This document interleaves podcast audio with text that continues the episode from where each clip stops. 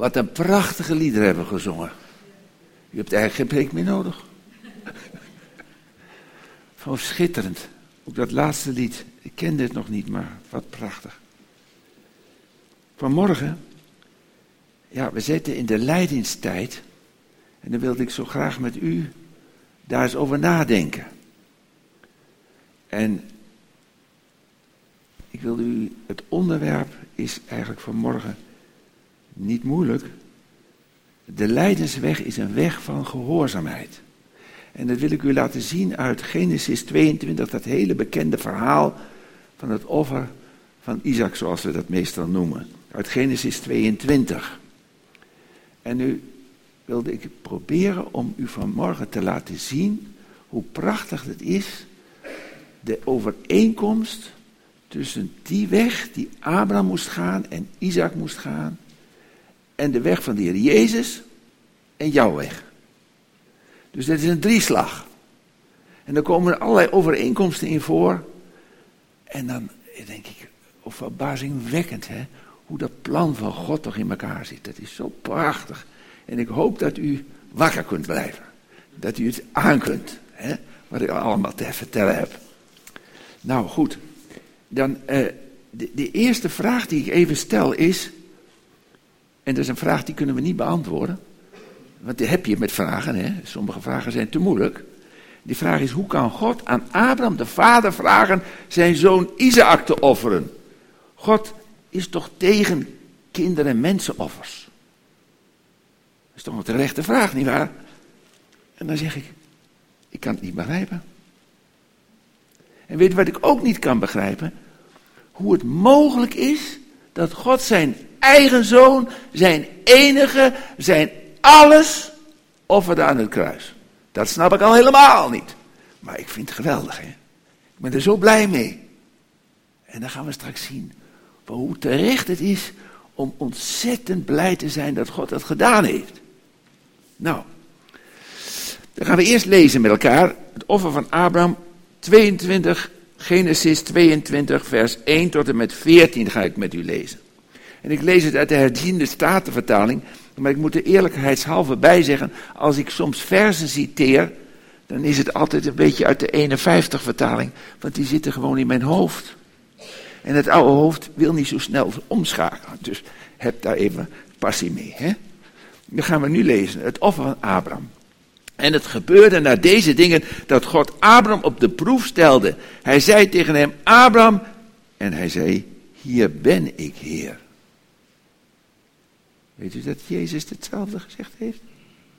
Toen in de hemel werd gevraagd, wie zal ik zenden? Wie zal gaan? Zend mij. Nou, hij zei, neem toch uw zoon, uw enige. Weet u wat er eigenlijk letterlijk staat? Letterlijk vertaald staat er, uw alles. God vroeg alles die u lief hebt, Isaac, ga naar het land Moria en offer hem daar als brandoffer op een van de bergen die ik u noemen zal. Toen stond Abraham morgens vroeg op, zadelde zijn ezel, nam twee van zijn knechten met zich mee en Isaac zijn zoon. Hij kloofde hout. Heb je wel eens hout gekloofd? Ik doe dat regelmatig. Maar in die tijd kloofden ze hout, dat waren zulke palen. In de Caucasus doen ze dat nog steeds zo. Bom, en dan heb je van die hele lange stukken hout. En dat is voor het offer. En weet u wat het weegt? Als je daar een bundel van nodig hebt om een offer te verbranden, dan moet je een sterke kerel zijn. Zou Isaac een klein jongetje geweest zijn? De Joden zeggen nee, hè. Ze denken dat hij 30 jaar was toen het gebeurde. Anderen denken 21. Maar hij was in elk geval sterk, sterker dan zijn vader, want die was al ver over de 100. En dat werd allemaal eventjes op Isaac gelegd. Kloof de hout voor het brandoffer, stond op en ging naar de plaats die God hem genoemd had. Op de derde dag sloeg Abraham zijn ogen op. Is bijzonder hoor, die derde dag. Komen we straks op. En hij zag de plaats in de verte.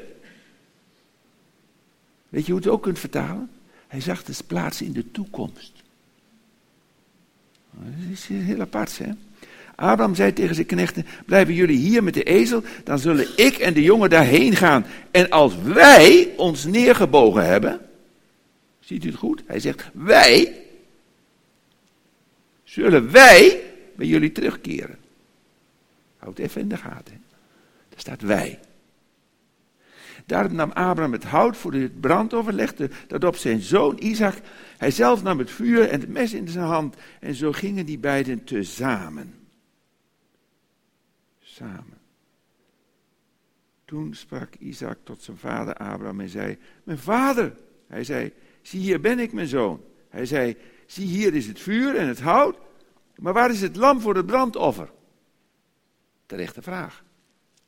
Abraham zei: God zal zichzelf voorzien van het lam voor het brandoffer, mijn zoon.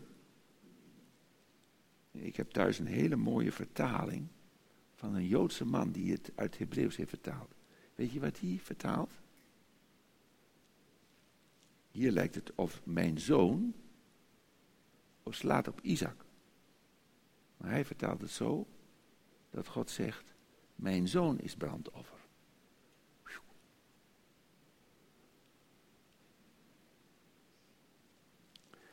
En dat heeft een dubbele betekenis. Ik hoop dat u dat snapt. Zo gingen zij beiden samen. En ze kwamen op de plaats die God hem genoemd had. Die plaats is ook bijzonder. Abraham bouwde daar een altaar, schikte het hout erop, bond zijn zoon Isaac en legde hem op het altaar bovenop het hout. Toen strekte Abraham zijn hand uit en nam het mes om zijn zoon te slachten. De engel van de Heer riep tot hem uit vanuit de hemel en zei: Abraham, Abraham! Hij zei: Hier ben ik. Toen zei hij, steek uw hand niet uit naar de jongen en doe hem niets.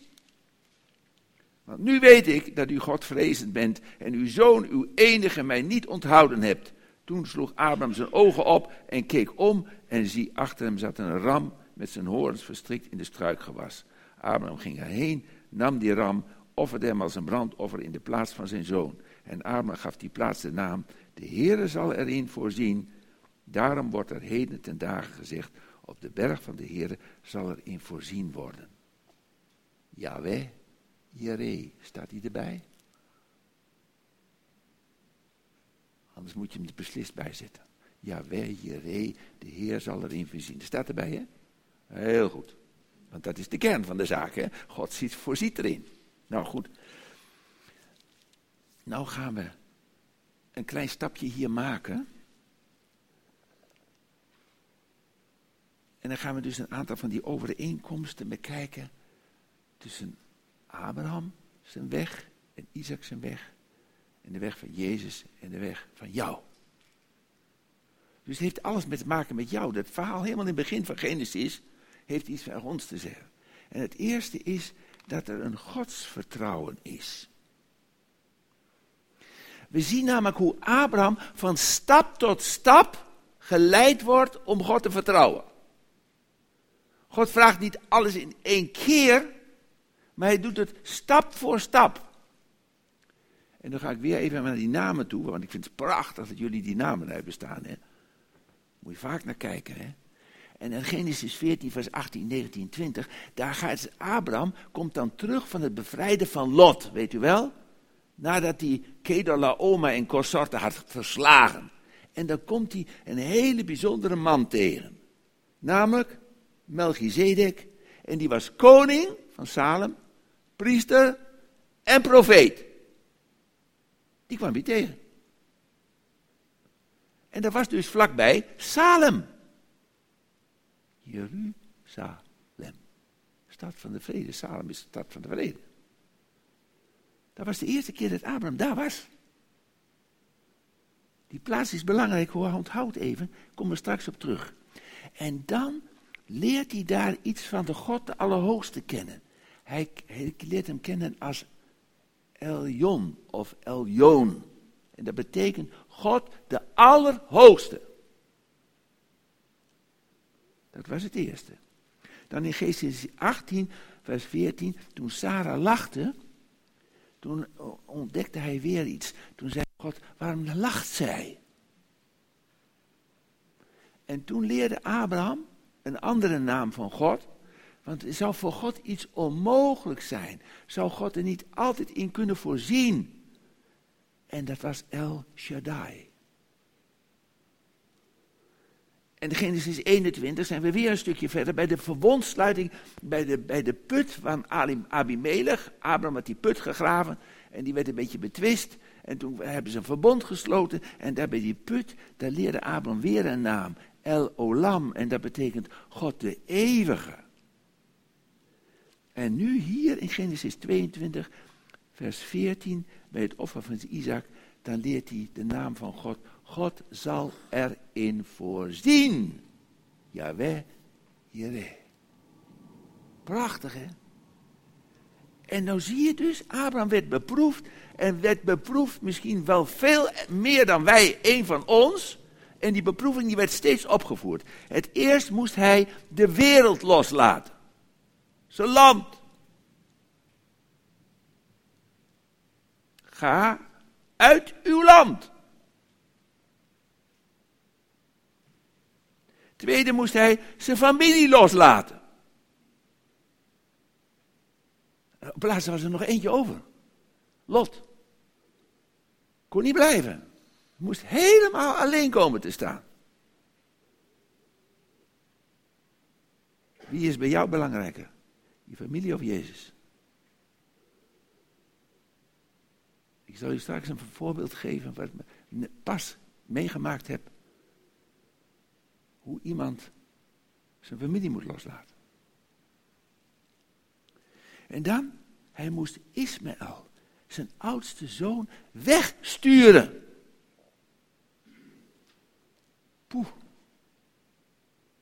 Dat was heftig. Je kind. De deur uit. Nou, het was de tent uit.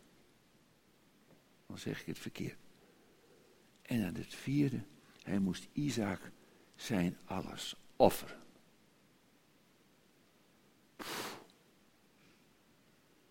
Wie is bij u de belangrijkste? Uw kind of de Heer?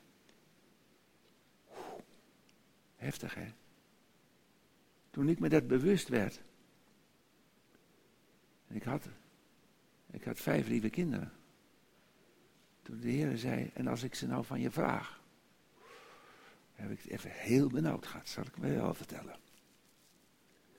Maar tenslotte zegt, Heer, wat u doet is goed.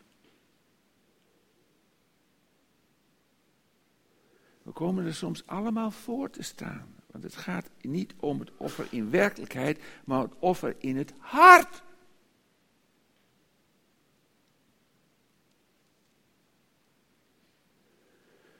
En hoe was het met de Heer Jezus? Hij moest de hemelse heerlijkheid verlaten, niet? Je moet gewoon Filippenzen 2 lezen, dan weet je het hele verhaal. In een paar versen, van 5 tot 11, lees je het hele verhaal van de Heer Jezus, wat hij allemaal moest loslaten. Hij verliet de hemelse heerlijkheid. Hij verliet het vaderlijk huis. Alle rijkdom van de hemel moest hij achterlaten. Hij die rijk was, werd arm. Hij die de Heer was, nam een dienstknechtgestalte aan. Hij, de eeuwige, moest sterven.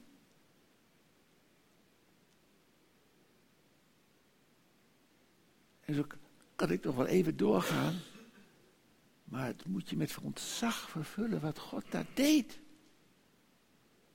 En toen het cruciale moment gekomen was, was het bij Adam stop.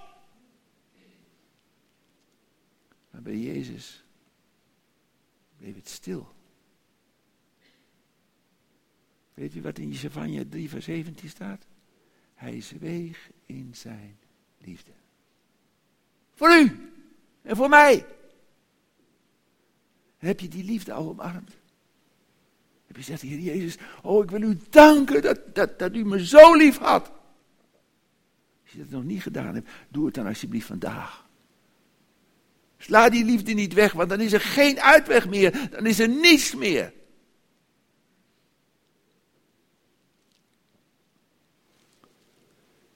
Gehoorzaamheid.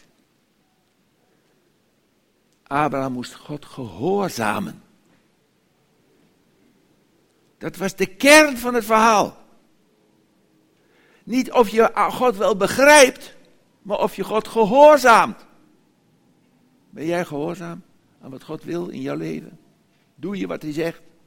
Gaat het je, jou om dat God de allerbelangrijkste in je leven is? Zelfs niet je man, of je vrouw, niet je kind, niet je huis, niet je geld. Alles is ondergeschikt aan die ene. Dat het is tot verheerlijking van zijn naam. En het kan ontzettend heftig worden. Veertien dagen geleden kreeg ik ineens een telefoontje. Zomaar een telefoontje. Van een echtpaar dat mij niet kende en ik kende hen ook niet. Hij was 24 en zij was 22 en ze waren nog geen jaar getrouwd.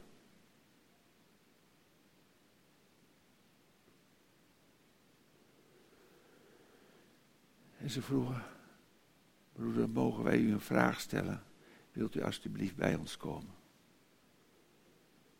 Want mijn man heeft een heel ernstig bericht gekregen.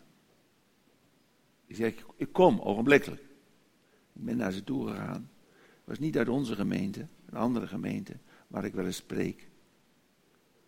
En, en ik heb eerst die oudste van die gemeente opgebeld of het goed was dat ik dat deed. Want ik wil niet een ander in de wielen rijden. Het is uiteindelijk hun taak. Maar ze vonden het goed, gelukkig maar. En toen kwam ik daar. En dan zaten ze daar. En het was een yo-yo gevoel geweest met de dokter. De ene ogenblik had hij gezegd, je hebt een soort immuunziekte, weet ik van wat. Ja, ik weet, dat medische weet ik allemaal niet zo. En, en, en dat kunnen we genezen. En toen kwam de, je hebt misschien wel alvleeskanker en dat kunnen we niet genezen. En ze wisten het allemaal niet. En dan komen de scans en PET-scans en weet ik wat allemaal, CT-scans en MRI-scans en weet ik wat allemaal voor scans. Ik heb ook allemaal van die toestanden gehad, hè, in zo'n apparaat. Horen en zien vergaat je. En dan hadden ze de uitslag gekregen. Hopeloos. Moet sterven. 24 jaar, 22 jaar nog een jaar getrouwd. En dan waren ze een beetje in de war. Dat kun je toch begrijpen? Dat is geen makkelijke boodschap. En ik zat daar en ik zei, ja, het is een heel erg verhaal. Ik heb ze het eerst maar eens laten vertellen. En toen heb ik hem gevraagd, ben je gedoopt? Ik zei, weet je wat wedergeboorte is? Wist hij ook niet. En toen heb ik hem uitgelegd hoe je opnieuw geboren kon worden. En onder tranen heeft hij zijn hart aan de, leven aan de Heer Jezus gegeven. Ja. Dat is het enige verstandig wat je kan doen. En, en toen kwamen dwars door de tranen de blijdschap. En toen ik de tweede keer bij hem was, toen zegt hij, ik wil de Heere God danken danken dat dit me overkomen is. Want hij zegt, ik leefde in de wereld van het geld. Ik weet niet of u die wereld kent. Ik weet het allemaal zo niet. Maar hij leefde in de wereld van het geld. En daar is geld het allerbelangrijkste. Hoop niet dat het geld in uw leven belangrijk is. Dat is niks hoor. Hij zegt, het heeft helemaal geen betekenis meer is allemaal voorbij. Hij zegt, en nou, anders had ik nooit Heer Jezus gevonden. Heer Jezus, ik dank u dat ik zo ziek ben geworden, want nu ben ik eindelijk bij u uitgekomen. En dan word ik zo dankbaar, hè. En ik heb tegen hem gezegd, dokterswoorden zullen kunnen heel belangrijk zijn, maar is nooit het laatste woord hoor. Nou ben je van de Heer Jezus, en heeft de Heer Jezus het laatste woord. En ik zeg, een ziekte die Heer toelaat in het leven van zijn kinderen, die gebruikt hij altijd om tot zijn eer te komen. De Heer Jezus zei het al, toen ze vertelde dat zijn vriend zo ziek was. Toen zei hij, deze ziekte is niet ten dode. Terwijl hij zou sterven. maar is de ere God. Houd dat vast. Laat God tot zijn eer komen. In alle tijd die hij nog geeft. En of hij nou herstelt, of dat hij je tot zich neemt. Maar laat in die periode dat je nog bestaat, hier op aarde, de Heere het middelpunt zijn. Ja, zegt hij. Ik ben zo blij met die twee, hè. En dan komen er allemaal, ik zeg je, er komen allemaal stemmen. Er komen allemaal mensen die je raad geven. Ik zeg, leg het allemaal naast je neer. Luister er niet naar. Luister naar wat de Heer zegt. En ik bid met je mee. Dat we de stem van de Heer in alles zullen verstaan. Die dokter had gezegd, ja misschien nog een chemokuur, maar je lever is al zo slecht, dat kan hij eigenlijk niet meer verdragen. En moeten we dat nou nog doen? En dan gaan we overleg met het AMC en second opinion en weet ik allemaal. Ik zeg, blijf in de rust. Vertrouw maar op de Heer. De Heer is de beste. Hij heeft het antwoord. Voor hem is het geen enkele moeite om je genezen te maken. Heeft hij niet eens een chemokoeien voor nodig. Soms moeten dokters leren dat zij niet het laatste woord hebben. Heel goed. Het is zo prachtig dat als God lijden gebruikt, dan heeft hij dat altijd met een doel. En, en, en Abraham die moest iets geweldigs leren. God gaat erin voorzien. En hoe hij dat doet, zijn zaak. U heeft gezongen, God is soeverein. Laat u God soeverein. Er waren mensen gekomen die zeiden, je moet claimen de gezondheid. Wat een dwazen. Wat een dwazen. Die zei, we hebben niks te claimen. Wij leven van genade. En genade is zo, zo ontzettend ruim aanwezig. Veel meer dan je op kunt. En leef van genade. En dat doen die twee nu. En nu zegt de omgeving, wij snappen niks van jullie. Hoe kan het jullie nou zo in de rust zijn, terwijl je een doodvonnis hebt gehoord? En dan zegt hij, dankzij de Heer Jezus, ik heb nu de Heer Jezus. En ik praat met hem. En ik lees zijn woord. Ze hebben ontdekt wat geweldig dat woord is. En als u nu zegt, je moet dat eens lezen. Je moet dat eens lezen. En daar hebben ze nu de tijd voor. En dan willen ze soms even de bezoek een beetje op een afstand houden, want ze willen tijd om te lezen. Ze willen met God verkeren. Niet al die stemmen van mensen, maar de stem van God horen. Daar gaat het om, lieve mensen. Ach ja. En dan de plaats. Daar gaan we even over hebben. De plaats. Ik heb hier eerst het hout dragen, dat mag ook. Isaac droeg dus dat hout. Wie droeg het hout ook? Jezus. En wat zegt de Heer tegen ons? Je moet je kruis dragen en hem volgen. Daar hebben de mensen soms een heel gek idee over. We hebben net nog een lied uit Johan de Heer gestoken, daar staat het ook fout in. Ja, u dacht misschien dat in die andere heerliederen nooit fouten staan, maar dat kan dus ook gebeuren. Want er staat het kruisdragen in op de manier alsof het lijden wat je overkomt, dat dat het kruisdragen is. Dat is het helemaal niet. Waarom moest, waarom moest nou uitgerekend Isaac dat, dat hout dragen? Ja, u zegt, Adam was zo zwak en Isaac was sterk, dus Isaac moet het hout dragen. Maar weet je wanneer je het hout draagt, wat dat betekent? Wat dat betekent bij Jezus. Dat kruisdragen is schande. Dat kruis is een schandpaal. Daar sterven misdadigers aan. Vervloekten. Wie aan het hout is, is vervloekt.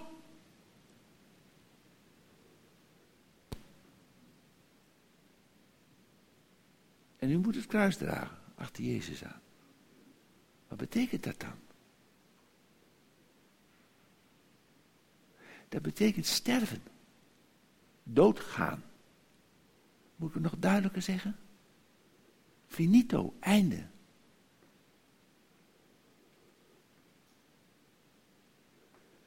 Want als je niet sterft, kan Jezus niet in je komen wonen. Het is of hij of ik. We hebben samen daar in die kamer Romeinen 8 gelezen. In onze natuurlijke mens is de wet van de zonde en de dood. En die wet is heel sterk. En die moet overwonnen worden door de wet van de geest en het leven. Dat is de geest uit God. Die onze geest weer tot leven wekt. Want van nature zijn we geestelijk dood. Is onze ziel verduisterd. Ons verstand verduisterd, onze wil verduisterd, onze gevoel verduisterd. Dus vertrouw er niet op. Het deugt niet. En ons lichaam. Die zit er dood in. Ik ben een, langzamerhand een oude man. En daar zie je, de uiterlijke mens is aan het vervallen. Maar weet u, als je in de Heer Jezus bent, wordt de innerlijke van dag tot dag vernieuwd. Dat is pas fijn, hè? Soms denken mensen die post, maar die is gewoon een beetje gek. Hè? Dat zei dus van de Heer Jezus ook. En dat zullen ze van Abraham, toen ze zagen wat hij gedaan heeft, ook wel gezegd hebben.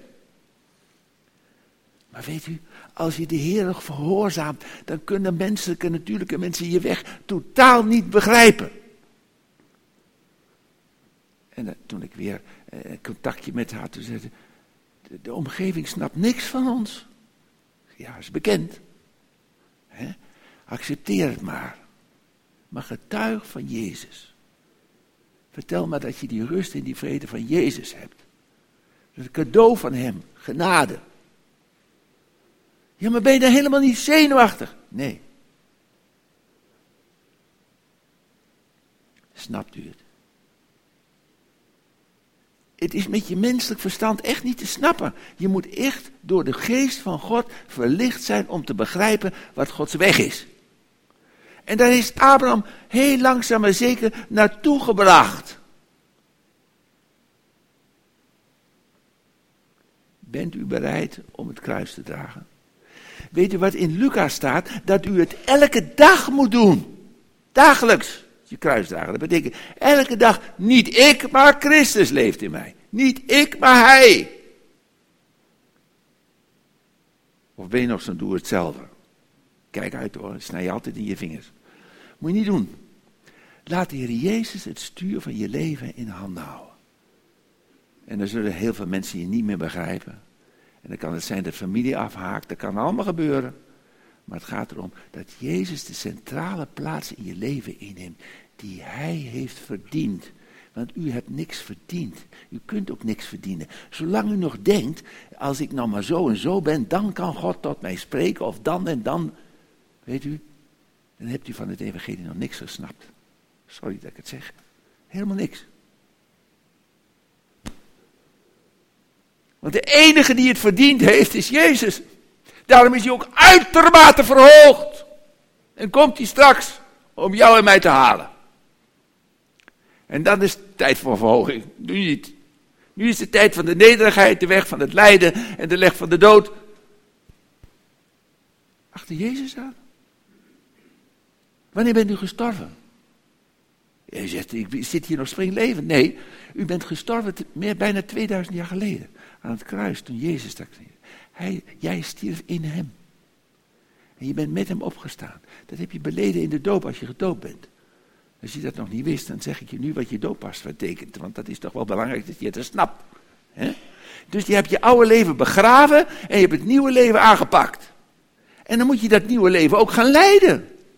Dat heb ik die twee jonge mensen ook gezegd. Nou komt het waar. Ik zeg, jullie zijn nu baby's in het geloof. En dan moet je leren kruipen en leren stappen.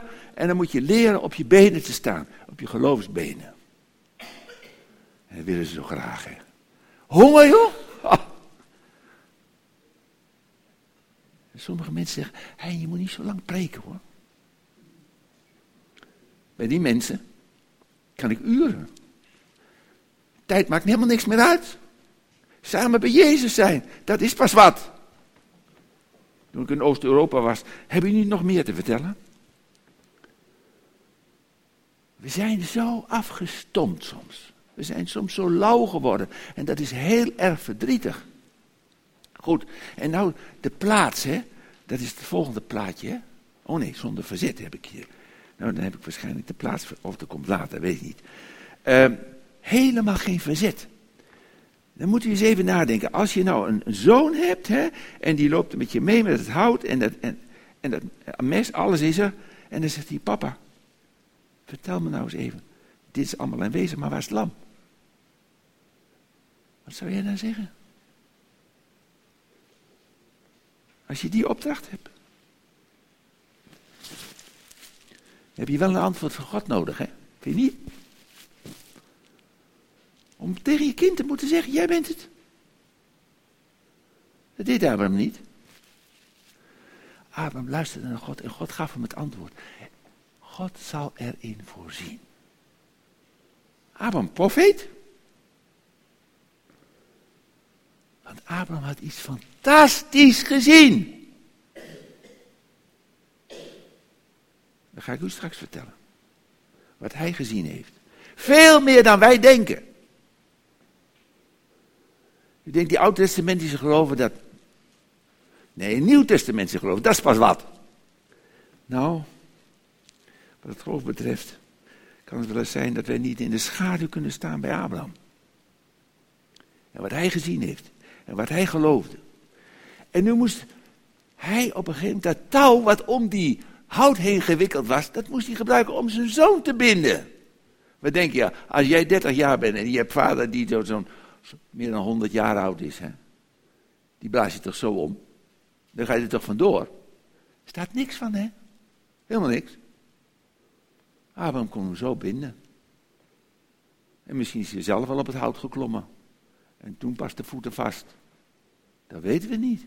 Maar iets dergelijks moet gebeurd zijn. Want hij lag op een gegeven ogenblik. Klaar om geslacht te worden. Hoe was dat met Jezus? Nou? Waarom stierf Jezus? Wie durft dat te zeggen? Dat weten jullie toch wel? Waarom stierf hij? Ja. Maar daar gaat nog iets aan vooraf. En dat weten jullie ook. Ik hoef het alleen maar even in herinnering te roepen. Want wat zei Jezus daar in Gethsemane? Niet mijn wil, maar dat was het allerbelangrijkste. Dat is pas punt nummer één. Die redding van ons is pas nummer twee. Het was de gehoorzaamheid aan de Vader. En de Vader had ons zo lief dat hij zegt: Jij moet sterven om die mensen te redden. Dat is Vader. En toen gingen ze samen. Abraham en Isaac. En toen Jezus naar het kruis ging, wie ging er toen mee, denkt u? De discipelen? Alles op afstand. Waren lang gevlucht. Had hij niks aan. Maar de vader was erbij. Tot het moment.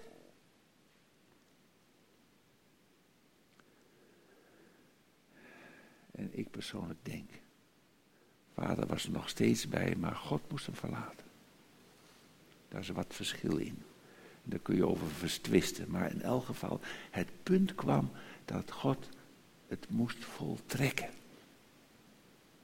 En dat Jezus vrijwillig zijn leven moest afleggen. Wat zei hij? Niemand ontneemt het mij, maar ik leg het uit mezelf af. Is dat vrijwillig? En ik neem het ook weer terug. Weet u waarom? Had hij recht op. Wie was de enige die de wet heeft vervuld? Hij. En wat zegt de wet? Doe dit en je zult leven. Die had er recht op, want hij had de wet vervuld. Tot elke titel in Jota, wet vervuld. Voor jou en voor mij in de plaats van wij konden het niet. Geen van allen kon het. En daarom heeft hij het voor mij gedaan.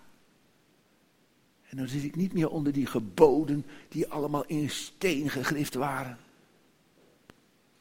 En toen zei die broeder, die, die ik dan bezocht en die nu de Heer Jezus gevonden had, waarom lezen ze dan de kerk nog de wet voor?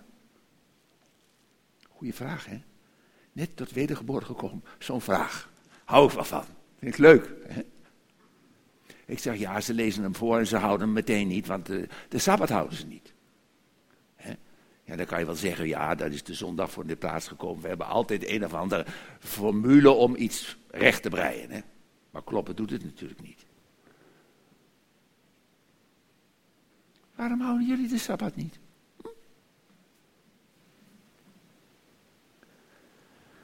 Kijk, en dat is nou zo heerlijk, hè? Als je van Jezus bent gekomen, dan wordt een wet van God geschreven in jouw hart.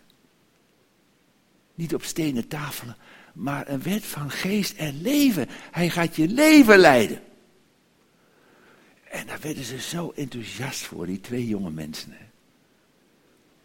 En, en toen zei die zuster, oh, ik moet aan de Heer beleiden dat ik zo weinig gegroeid ben. Wat ik nu allemaal hoor, dat is zo allemaal heerlijk. En, en, en ik wil nu echt groeien. Goed hè. Een nieuwe leven. En zo'n verlangen naar het woord van God. En dat ontdek ik elke keer weer. Als mensen werkelijk tot geloof komen en de Heer Jezus toelaten in de hart, dan is er enorme honger naar het woord van God. Dat is normaal. Ik hoop dat bij jullie ook normaal is. En anders laat het normaal worden. Want sommige mensen die houden alleen maar preken bij. Ik zeg maar, door een preek kan je op het verkeerde been tegenkomen. Uiteindelijk is een mens die iets doorgeeft. Maar hij moet woorden van God doorgeven. En als u mij erop betrapt dat ik niet de woorden van God doorgeef, dan moet u aan mijn jasje trekken. Want dat deugt het niet. Wie spreekt moet spreken alsof het woorden van God zijn. Want woorden van God veranderen mensen. Niet de mensenwoorden. En ik ben helemaal niet belangrijk. Totaal niet belangrijk. En weet u, als ik straks bij die deur ga staan, bedank me dan alsjeblieft niet. Want het is zo lastig om elke keer alles door te moeten sturen, weet u wel? en bovendien, hè, als u nou uw huis laat schilderen, hè, en het is mooi gelukt, gaat u dan de kwast bedanken? Het is maar een kwast. Maar bedank de schilder dan toch. Hè? Doe dat dan maar. Hè? Dan zijn we het eens met elkaar. Goed. Dat is maar zo'n tussendoortje. Hè? Geen verzet. En, en dan krijgen we weer wat. Buiten de lege plaats. Buiten de lege plaats. Weet u, Abraham die had die, die knechten daar. En, en die ezels. En die moesten daar achterblijven. En dat was de lege plaats. Daar hadden we een tentje opgericht enzovoort enzovoort. Even de lege plaats. Maar dan moesten die twee, die moesten de berg op. En daar moest geofferd worden. En dat betekent eigenlijk, je wordt buiten de gemeenschap gesteld. De Heer Jezus moest lijden en sterven buiten Jeruzalem. Wat was Golgotha voor een plek? Schedelplaats. Waar misdadigers werden gedood. Die niet acht waren, kregen niet eens een graf. Mijn heiland. Zo vernederd, zo veracht, zo bespuwd.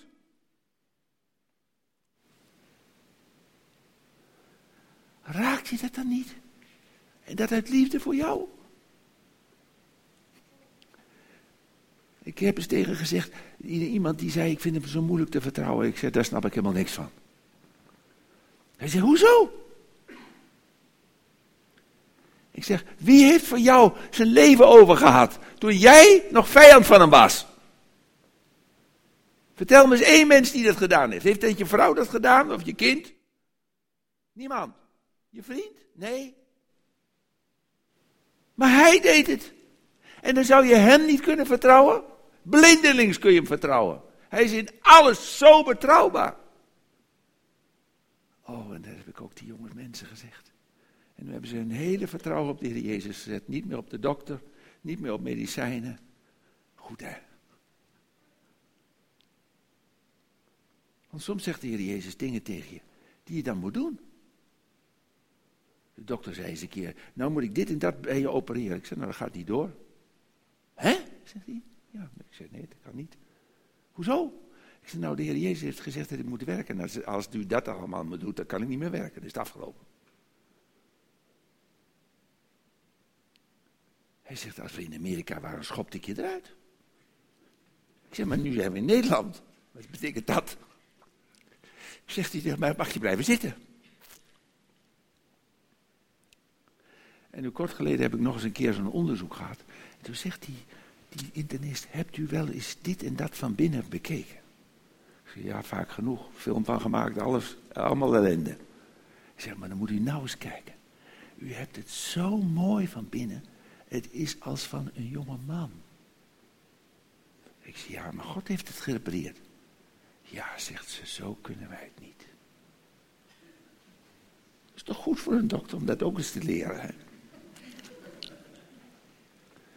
Maar weet u, ik heb, ik heb zoveel dokters ontmoet die willen niet geloven. Het is een moeilijk volk hoor, dokters. En toen heb ik Heer gevraagd, Heer, breng me dan een paar op de weg die wel willen geloven. Drie weken later had ik een telefoontje van een, een, een, een, eh, gynaecoloog die vlak bij mij om de hoek woonde. Was daar net komen wonen. Hij had in een blaadje gelezen dat er bij mij bijbelstudies waren en vroeg of hij kon komen. Oh, hij is zo'n heerlijk kind van God geworden. Vooraf ging hij bij elke operatie met de persoon bidden. En toen zei hij, ik heb een broer en die is, die is huisarts in Amsterdam. En die gelooft ook niet. Maar die, die vraag ik een weekendje te logeren en dan moet jij hem het evangelie vertellen. Hij is ook een heerlijk kind van God geworden. En toen zegt hij, ik heb nog een vriend en die is arts. Verder ga ik niet. Is genoeg. Als je zoekt de eer van God, dan gaat hij je gebruiken hoor. Denk erom. Absoluut. Ja, zegt je, dat kan ik allemaal niet. Nee, natuurlijk niet. Ik ook niet. We kunnen niks zonder hem. Maar met hem kan je over de muur heen. Ik wou dat jullie dat konden geloven. Want dan gaat God wat met je doen. Hè? Dat was dan buiten de legerplaats. En dan moeten we hem volgen, want het betekent dus schande. En dan samen, heb ik al gehad, ga ik gauw voorbij. En dan het sterven. Hè. En dat heb ik u uitgelegd. Houtdragen is sterven. En dat vinden we het allermoeilijkste, sterven aan dat ikkie. En dan zijn de mensen gestorven, ze zijn opgestaan met de Heer Jezus uit het waterbad. En dan komt het leven er weer aan. En dan komen de vrienden en die gaan weer je in een soort moed meenemen. Dat vertelde hij ook. En dan moet je je carrière. Dan gaat het weer over allemaal andere dingen. En dat vind ik soms zo jammer. Hè? Dan is dan een heerlijke preek geweest. En dan wil je met elkaar over de Heer Jezus praten. En dan beginnen ze meteen over hun bedrijf te praten. Of wat er gebeurd is die week. Interesseert me helemaal niks. Ik wil over Jezus praten. Want hij is de belangrijkste. En we hebben maar zo'n klein beetje tijd in de week om elkaar te ontmoeten. Dan moet je toch op Jezus hebben. Daarvoor zijn we bij elkaar, niet waar? Dus doe dat niet meer, hè, dat bedrijf. Dat bedrijf. Ik had er dus eentje, die kwam tot geloof, hè. Hij had met een pistool op zijn kop gestaan. Hij was schatrijk. Met een pistool op zijn kop tot drie keer toe. En toen is hij tot geloof gekomen. Hoe dat, doet er nou even niet toe. Maar weet je, hij had een heel groot bedrijf. Hij zegt, ik praat nu alleen met mijn klanten over Jezus. De Heer zorgt wel voor de, voor de zaken. Gingen beter dan nooit. Maar dat is natuurlijk alleen maar genade. Want het hoeft zo helemaal niet te gaan. Ik had er ook een die kwam tot geloof, ging failliet. Omdat hij eerlijk werd. Dat is ook goed. ja. Kijk, zoals God het doet, is goed. God is soeverein. Hij doet het op zijn manier. Goed. En nu kom ik nog weer bij bevreemdeling zijn. Abraham was in zijn land waar hij door God naartoe gebracht was een vreemdeling. Hij woonde in tenten. Hij ging echt niet in huis wonen. Lot ging in huis wonen. Had hij niet moeten doen. Wat bleef er van het huis over? Niks. Maar Abraham woonde in tenten. En een tentpin kan je makkelijk uit de grond trekken, dan kan je zo weer verder, hè? Maar wat het meest is, geestelijk woonde hij ook in tenten. Dat betekende, hij sloeg zijn wortels niet zo op die aarde vast. Niet al dat. Abraham was schatrijk, door God gemaakt. Maar hij had zijn hart niet daarbij. Hij had zijn hart bij God. Dat is een groot verschil. Waar heb jij je hart op gezet? Deze jonge man had zijn hart op het geld gezet. Nou is het over. Goed hè? Helemaal niet belangrijk meer. En dan zeggen de mensen, gezondheid. Dan zal hij je vertellen dat gezondheid niet het belangrijkste is. Maar dat je Jezus hebt. Dat je kind van God bent. Dat is het belangrijkste. En hou dat vast. Want daar gaat het om in het leven. En dat betekent, wij zijn ook hier vreemdelingen. Waar is ons thuisland? Waar is ons vaderhuis? Ah, dat weten jullie allemaal wel. Hoef ik niet eens uit te leggen. En wij zijn dus in deze aarde in een woestijn. Ik ben hier een vreemdeling. Ik ben hier niet thuis. Ons burgerschap is in de hemel.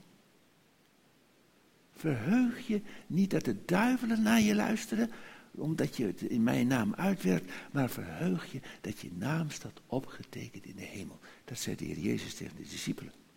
Want de discipelen die keken ook naar de buitenkant, naar de wonderen, de tekenen. Maar daar gaat het helemaal niet om.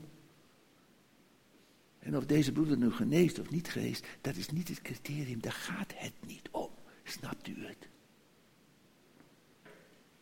En dat moeten we soms via een hele moeilijke weg ontdekken. En dat kan, dat kan op een hele leuke manier ook gaan, hè? want God is ook humoristisch. Hè? Oh, ik moet oppassen. En, eh, Eén klein verhaaltje nog. Eén keer moest ik een doopdienst doen. En, en, en toen uh, vroeg ik aan die broeder, het was in een zwembad, ook weer een andere gemeente, maakt niet uit. En, en toen zeg ik, zeg ik tegen die broeder, hoeveel dopelingen heb je? Hij zegt, één. En schiet me zo uit de keel, maar één.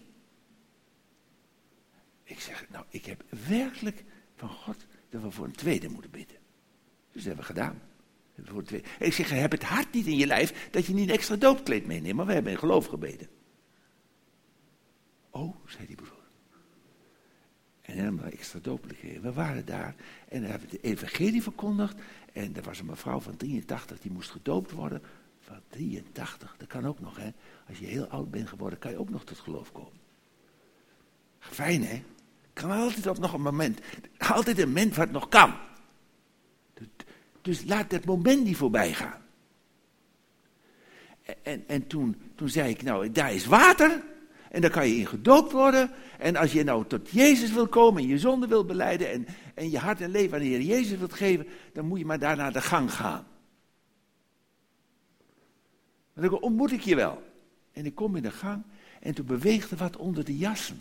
Dan allemaal van die kapstokken zo. Zo rijden naar elkaar. En daaronder die, er bewoog wat.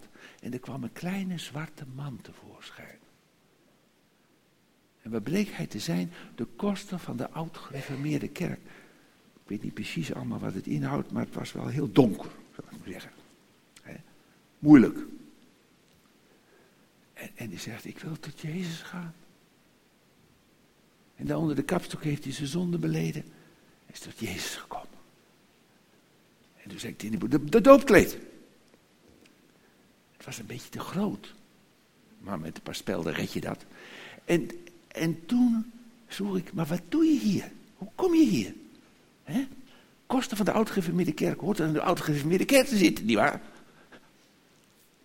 Hij zegt, die zuster die u doopt, die komt oorspronkelijk uit onze kerk. En ik was zo nieuwsgierig, ik verlangde zo naar Jezus.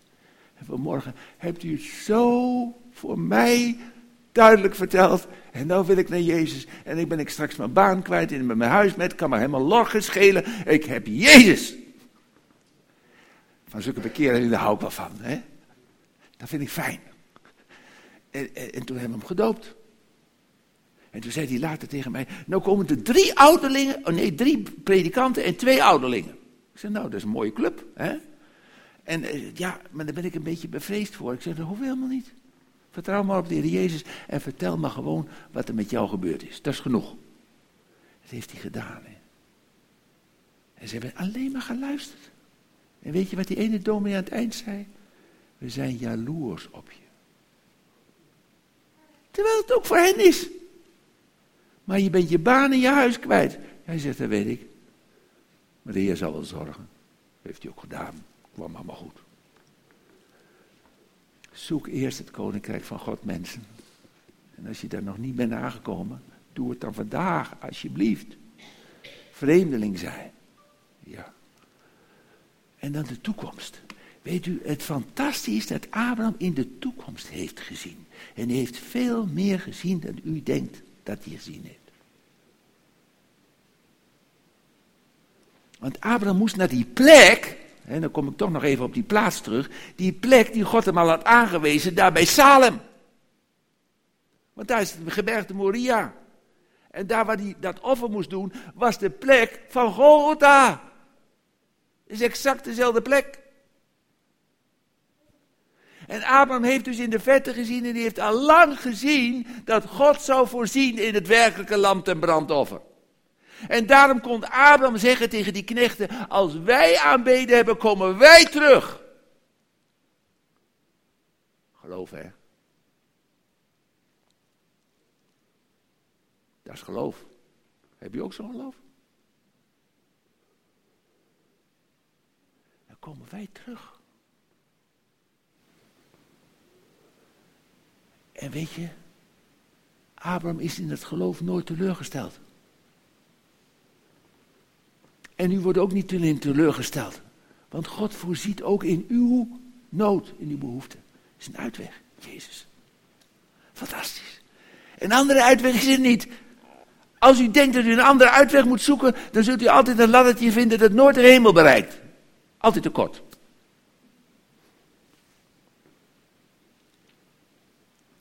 Maar er is één die het bereikt. De troon van God. Jezus. Hij kwam vandaar en is er nu weer terug. En hij komt straks terug. En dan weet ik zeker, dan komt hij mij halen. Weet u dat ook zeker? Dat hij u komt halen? En weet u, ik denk dat het niet eens zo erg lang meer duurt. Er gebeuren op het ogenblik allemaal hele merkwaardige dingen in de wereld. Hebt u het wel in de gaten? Wat vindt u van die spinkhanenplaag die ze maar niet onder de knie kunnen krijgen? Met al die moderne middelen niet. Het lukt ze niet. We hebben meer hulp nodig. Alles wordt opgevreten. We hebben zelf niks meer te eten. En, en dan zegt zo'n reporter, het lijken wel bijbelse tijden.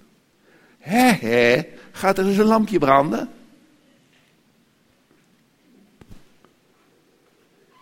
En God zegt, oh, die geweldige economie en we zijn allemaal zo trots en we hebben alles onder controle. En dan stuurt hij één virusje. En dan ligt de boel plat. En de wereldeconomie, oh, we ons zo druk over die economie. Dat het zoveel doden geeft, dat is allemaal nog vers 2, maar die economie. De waze mens.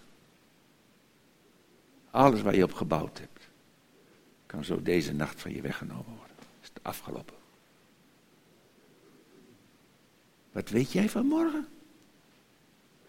Maar weet je wat ik weet?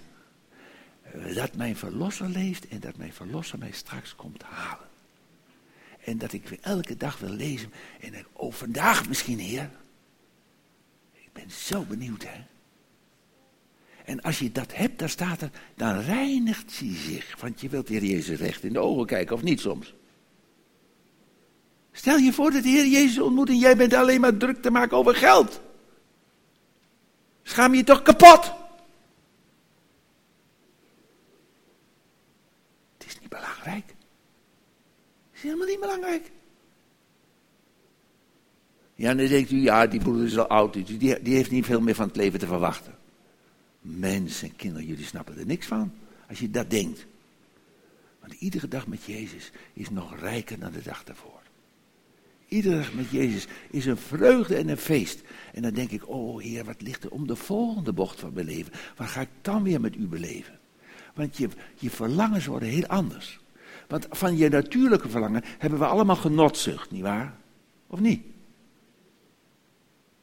Een moeder zei eens tegen mij, meneer Postma, het belangrijkste is dat ze in hun jeugd genieten. Ik zei, oh, dat staat alleen niet in mijn Bijbel. In mijn Bijbel staat als je je juk in je jeugd draagt. Dat is een ander verhaal. Maar daar wou ze niks van weten. Arme mens. Want die jeugd is zo voorbij. Kan, ik kan het weten. Het is echt zo. Het gaat om het allerbelangrijkste mensen. En mijn boodschap is dan ook in Jezus, Jezus en Jezus alleen. En heeft Abraham dus gezien dat er een, een lam kwam, dat God zelf zou, en als voorproefje kreeg hij daar het rammetje daar, maar het ging om dat lam. Want elk offer in het Oude Testament vertelt iets van dat lam. En ook ons paaslam is geslacht. En Abraham heeft dus geloofd in wat in de verte zou gebeuren. En wat zag hij toen? Een stad met fundamenten waarvan God zelf de bouwmeester is. Weet je wat die stad is? Vertel het me, wat is die stad? Openbaring 21. Het nieuwe Jeruzalem, het hemelse Jeruzalem. En dat zijn wij.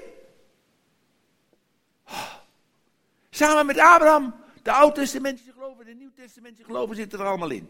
Kijk maar naar de fundamenten, wat er, wat van de fundamenten staat. Kijk wat er van de poorten staat. Fundamenten al de apostelen. En de poorten, de namen van de stammen van Israël. Samen.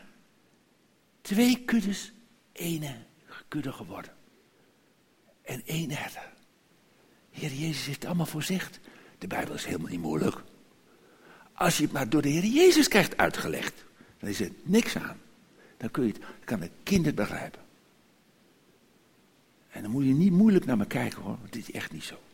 Als je, als je werkelijk open staat voor wat God je door de woord te zeggen heeft, dan is de Bijbel zo interessant. Een oude man die tot geloof kwam, hij was ook al in de tachtig, en die kwam tot geloof, ja, hij was al heel lang ouderling in de kerk. En, nou ja, zo. en toen zegt hij tegen mij, maar Heine, hoe word je nou eigenlijk een kind van God? Leuke vraag, hè? Van die vraag hou ik zo. En dan heb ik hem dat verteld en is hij gewoon bij de bank neergeknield en is tot Jezus gekomen. Geen kerk voor nodig hoor. Kerkmuren rijken niet tot de hemel, echt niet. Maakt niks uit. Als je Jezus maar hebt. En toen, zei hij een tijdje later, die Bijbel, ik heb hem al zo vaak van voor naar achter gelezen. Ik heb er geen hout van gesnapt. Maar nu, het is een geweldig boek. Het is een fantastisch boek. Ik heb er zoveel zin in om er elke keer maar te lezen. Logisch hè? Een babytje kan niet veel hè? Maar wel huilen als hij honger heeft. Dat kan niet. Hè? En dan moet je hem voeden. En denk je dat de Heer zijn kind niet voedt als hij honger heeft? Hij zegt, eet van mij. Drink van mij. Heb je nooit meer honger en nooit meer dorst. Want ik geef je het eeuwige leven. Niet straks, maar nu al. En straks krijg je ook het eeuwige leven voor dat korpusje wat nog een beetje zijn probleempjes heeft. En fijn voor u als u geen problemen hebt met het corpus. Maar de meeste mensen krijgen wel een of ander probleem met het corpus. Hm? En dat is ook goed zo goed, want anders ben je niet meer afhankelijk. Straks is hij alles in allen. Want dat offer van de Heer Jezus, dat is ook de grondslag van de nieuwe hemel en de nieuwe aarde. Begrijpt u het? Voor alles. Niet alleen om u te redden, maar hij wil ook zelfs de schepping redden. Dacht je dat God niet medelijden had met dieren? Dan moet het verhaal van Jona maar eens lezen. Het is geweldig, onze God is zo enorm. En dan, ja. U weet het nog, hè? Op die tocht van Abraham kwam Melchizedek en die kwam hem tegemoet met brood en wijn. Wie komt ons tegemoet? Onze Melchizedek, onze koning, priester en profeet Jezus komt mij tegemoet met brood en wijn. Hier heb je het.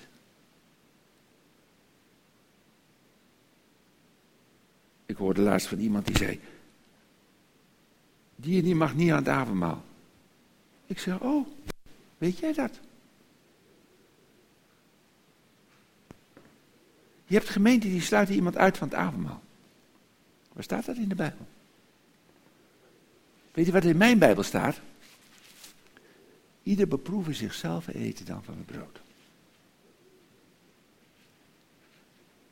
En anders drinkt hij zichzelf en eet hij zichzelf een oordeel. God maakt het wel uit met die persoon. Weet je wat er wel in de Bijbel staat? Dat als iemand openlijk zondigt, dat hij dan helemaal in de gemeente niet meer moet komen. Want dat is een rotte appel in het geheel en dan steekt de rest aan. Dat kan niet. 1 Korinthe 5, lees maar na. Het hele punt is, wij moeten die Bijbel lezen. En dan kom je van een heleboel zandenkraam af. Dan, dan, dan ga je leren hoe het zit. En de mensen die luisteren en die weten dan vaak niet wat ze dan moeten antwoorden. Maar wij, wij hebben toch die Bijbel, dan kunnen we toch een antwoord leren. En dan moet je hem lezen. En nou is het zo fantastisch dat dan God voorziet. En dat heeft Abraham dus gezien, dat God in alles zou voorzien. En daarom was Abraham een man van geloof. En weet je wat God dan zegt tegen hem? Tegen een man van geloof heeft God een, een mooi verhaal. Hij zegt, jouw nageslacht zal zijn als het zand aan de oever van de zee. Weet je wat dat was? Dat weten jullie wel hè? Dat, dat was het volk van Israël. Dat was zijn bloedeigen nageslacht. Maar dan zegt hij nog iets. Er zal ook zijn nageslacht zijn als de sterren van de hemel. Hoe zijn wij in deze wereld, lieve mensen? Als lichtende sterren, schijnend te midden van een ontaard en verkeerd geslacht. Ja, citaat is niet uit de HSV, spijt me. Maar dat staat er. De lichtende sterren is de gemeente. Abraham had al gezien, snapt u, in de belofte dat er een geloofsnageslacht zou zijn uit zijn volk en een geloofsnageslacht zou zijn uit de heidenen. Daarom is Abraham vader van alle volken. Prachtig. Van Abraham kunt je een hoop leren hoor. Heleboel. Want Abraham heeft in de verte geschouwd. En hij geloofde God. En daarom werd hem dat tot gerechtigheid gerekend. Hij geloofde in dat God zou voorzien. En dat werd hem tot gerechtigheid gerekend. Dus al die Israëlieten die geloofden in die Messias die zou komen en zou lijden en sterven voor hen, die werden gered. Net zoals u die er nou achter staat, ook gered wordt als u erin gelooft. En dat doet u hopelijk. Want anders bent u niet gered. En als u de geest van Christus niet hebt, dan hoort u gewoon niet bij hem. Punt. Geen woord Frans bij. Heel eenvoudig. De geest van God ontvang je zodra je je bekeerd hebt en je zonde hebt beleden en je leven aan hem toevertrouwt, dan gaat God je wedergeboren doen worden. En dat is Gods werk. Dat kun je niet zelf. Je kunt jezelf ook niet gewoon laten geboren worden. Dus ik kan je ook niet wedergeboren laten. Dat doet God. Uit onvergankelijk zaad. Voor eeuwig. Verandert niet meer. En daarom ben je zo blij dat je een kind van God bent. Hè? Enthousiast, iedere dag. Dank u wel, vader. Ik mag uw kind zijn. En u houdt van me. En wat hebt u vandaag voor me? En ik kom weer. En ik hou mijn handen op voor, uw genade. De rijkdom van genade is zo groot. Oh, en dan heb je een vreugdevol leven. Heerlijk. Hè? En nou die derde dag. Want Abraham zag het in de verte op de derde dag. En het woordje de derde dag heeft in de Bijbel een geweldige betekenis. Weet je dat bij, de Heer Jezus precies zo was? Of, of, of hebt u dat niet, niet zo in, in gedachten? Toen de Heer Jezus op weg was naar Jeruzalem om te lijden en te sterven, toen uh, had hij nog twee dagen waar hij moest werken. Dat zegt hij ook. He, Lucas 13, vers 32 en 33, Jezus, op de derde dag ben ik klaar, ben ik gereed, zegt hij. In de, deze staat, word ik voleindigd, dat is een beetje moeilijk. He? En tussen moet ik heden en morgen en de dag en daar reizen. Het gaat immers niet aan dat de profeet omkomt buiten Jeruzalem. Zie, plaats en tijd bepaald. Klopt precies. Bij Abraham? Bij Jezus. En hoe is dat met u? Wat betekent de derde dag voor u? is nog iets geweldigs in de Bijbel. En dat is dat de Heer Jezus in het Oude Testament iets heeft laten schrijven. Denk niet dat het Oude Testament onbelangrijk is. Hè? Dat hoort erbij. En in Hosea zegt hij, na twee dagen zal ik jullie weer oprichten. Dat zegt hij tegen het volk van Israël. En het volk van Israël is uitermate belangrijk in het plan van God. Dus houd van Israël. Dat deed Jezus, dat deed Paulus, dat mag u ook doen. En, en, dan, en dan zal ik jullie weer oprichten op de derde dag. Net zoals bij de Heer Jezus. Die stond op op de derde dag. En u bent met hem opgestaan. Om straks zijn derde dag in te gaan. En dat is het duizendjaren vrederijk. Fantastisch. Heb ik u ook even in de vette laten kijken. En daar word je blij van, hè? Want dan mag je, ja, dan mag je, als je met hem overwonnen hebt in je leven, met hem meeregeren. En dan zegt hij, over weinig ben je getrouw geweest, over veel zal ik je stellen. Ga in in de vreugde van je Heer. Had u dat gedacht? Niks met pantakjes zwaaien hoor. Het wordt een feest met hem te zitten in zijn troon. Zoals hij nu gezeten is met zijn vader in zijn troon. Zo kan ik wel doorgaan, maar dat mag niet, want de tijd. Oh, mensen. Verschrikkelijk, die tijd. Maar ja. En, en, en nou, nou, nou, nou was Isaac, dat was de enige echte zoon. Waarom Ismaël niet? Waarom Israël maar niet? Ismaël was de zoon van het vlees, staat er in de Bijbel. En Isaac was de zoon van de geest. Want de twee mensen waren al gestorven. Hun lichamen functioneerden niet meer zoals het normaal is om kindertjes te krijgen. Dus moest God een wonder doen. Hoe zat dat bij Jezus?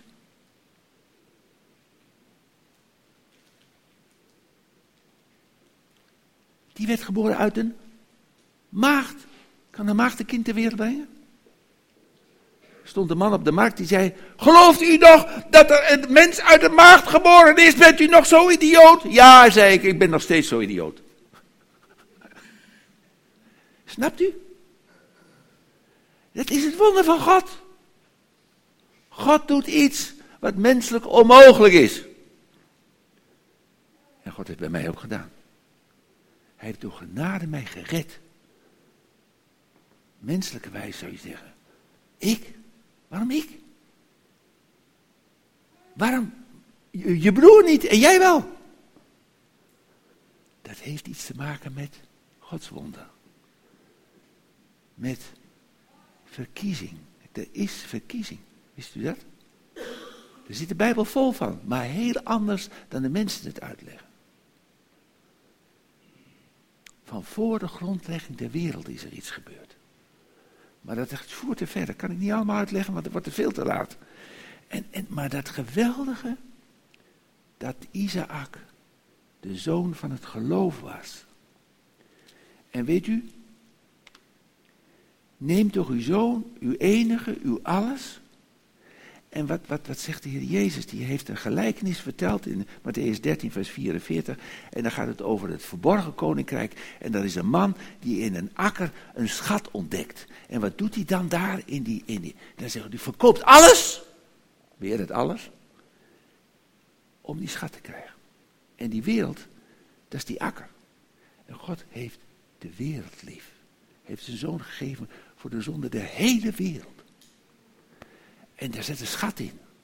En wat is die schat? Dat weet u wel, hè? Dat is die gemeente. Dat is waar het nieuwe Jeruzalem uit ontstaat. Daarvoor heeft hij alles overgehad om die schat te verwerven uit die akker. Prachtig. Wat is die Bijbel toch mooi, hè? Oh, zo. Ja. En dan, ja, dan moet ik nog een. Nee, ik moet een heleboel overslaan. Dat kan allemaal niet. Uh, kijk, dienstknecht Nou ja, dat begrijpt u allemaal wel, dat hij de dienstknechtgestalte aanneemt. En Abraham ook, dat betekent gehoorzaamheid. Bent u ook een dienstknecht van God? Nou, en dan, het is een zaak van het hart. Niet dat Abraham dat, dat, dat kind offerde. Hij heeft het inderdaad geofferd. En hij heeft het als het ware uit de dood teruggekregen. Want er staat in Hebreeën dat hij God zo vertrouwde dat hij met Isaac weer terugging naar die, naar die knechten toe.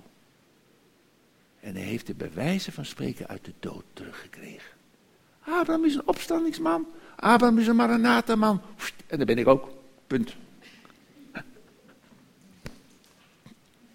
En dan het laatste. Hè? Abraham verwachtte dan die stad met fundamenten, de erfenis. En de erfenis is wat de Heer Jezus allemaal gaat ontvangen. En weet u wat u dan krijgt? U bent mede-erfgenaam van de belofte. En dat is Abraham ook. We gaan Abraham ontmoeten. Oh, Abraham, wat, wat, wat, wat is fantastisch dat God dat geloof in je kon leggen. Daar ga ik even met hem over praten hoor. Dat wordt straks een vijfde gesprek. En dan de vreugde, hè? De vreugde. Oh. En weet u, het hele punt is dat wij niet moeten kijken naar wat zichtbaar is. Niet wat voor ogen is, niet wat je met deze kijkertjes kunt zien, maar dat je weet waar het om gaat en dat is het onzichtbaar. Het onzichtbaar is eeuwig. Hoe kan je nou anders met God communiceren als door je geest? God is geest en geest en geest kunnen met elkaar communiceren. Dus hè, moet je bidden in de geest. Is toch daar, klaar als een klontje? Hè? En weet je wat je dan moet doen? Dan moet je niet één richting gesprek hebben, maar je moet luisteren. Wat de geest zegt. Oh, en dan hoor je mooie dingen hoor. Hele mooie dingen. En als je daar nog niet gewend bent, je leert het, het eerste wat er gebeurt, is dat jouw geweten wordt veranderd. Zodra je tot geloof komt, is het afgelopen met je gereformeerde geweten, met je rooms-katholieke geweten, met je Mohammedaanse geweten, is allemaal voorbij. Je krijgt een nieuw geweten. En in dat geweten spreekt de Heer.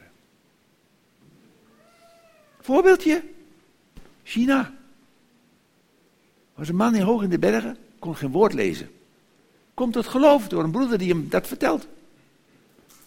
En dan wil hij aan de tafel en zegt, nou wil ik bidden. Bidden voor het eten. Ik ben net tot geloof gekomen, ga bidden voor het eten. Logisch toch? Gaat God danken. Hij zegt, kan niet bidden, zegt hij tegen zijn vrouw. Hoezo, zegt zijn vrouw. Ja, die fles, die fles die er staat. Hij was altijd gewend om een en ander uit een bepaalde fles, weet je wel, die een beetje alcoholisch was. Hij zegt, goed maar door de gootsteen. Want de inwendige Heer zegt, dat moet ik niet doen. Dan gooide ze door de gootsteen, kon niet bidden.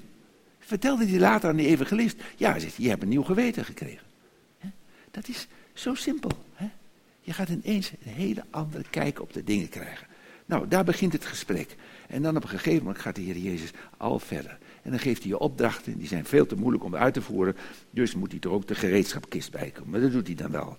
En dan het laatste, hè, dat vooruitzicht, dat fantastische vooruitzicht, heb ik het al over gehad. En het slot is de vreugde. De vreugde. Wat denkt u dat Abraham deed toen hij dat ram moest oprichten in plaats van zijn zoon? Oh, een blijdschap in zijn. Het hoeft niet. God gaat wel voorzien. En hij had het aanschouwelijk bewijs vlak voor zijn ogen.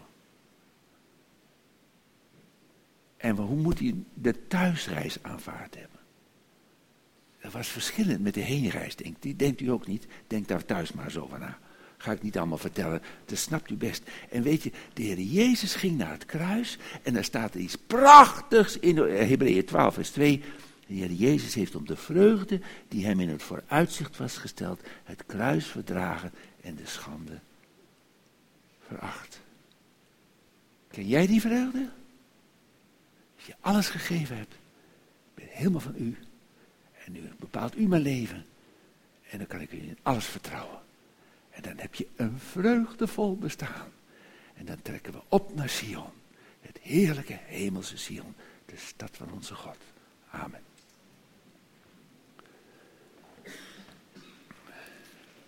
Zullen we met elkaar danken?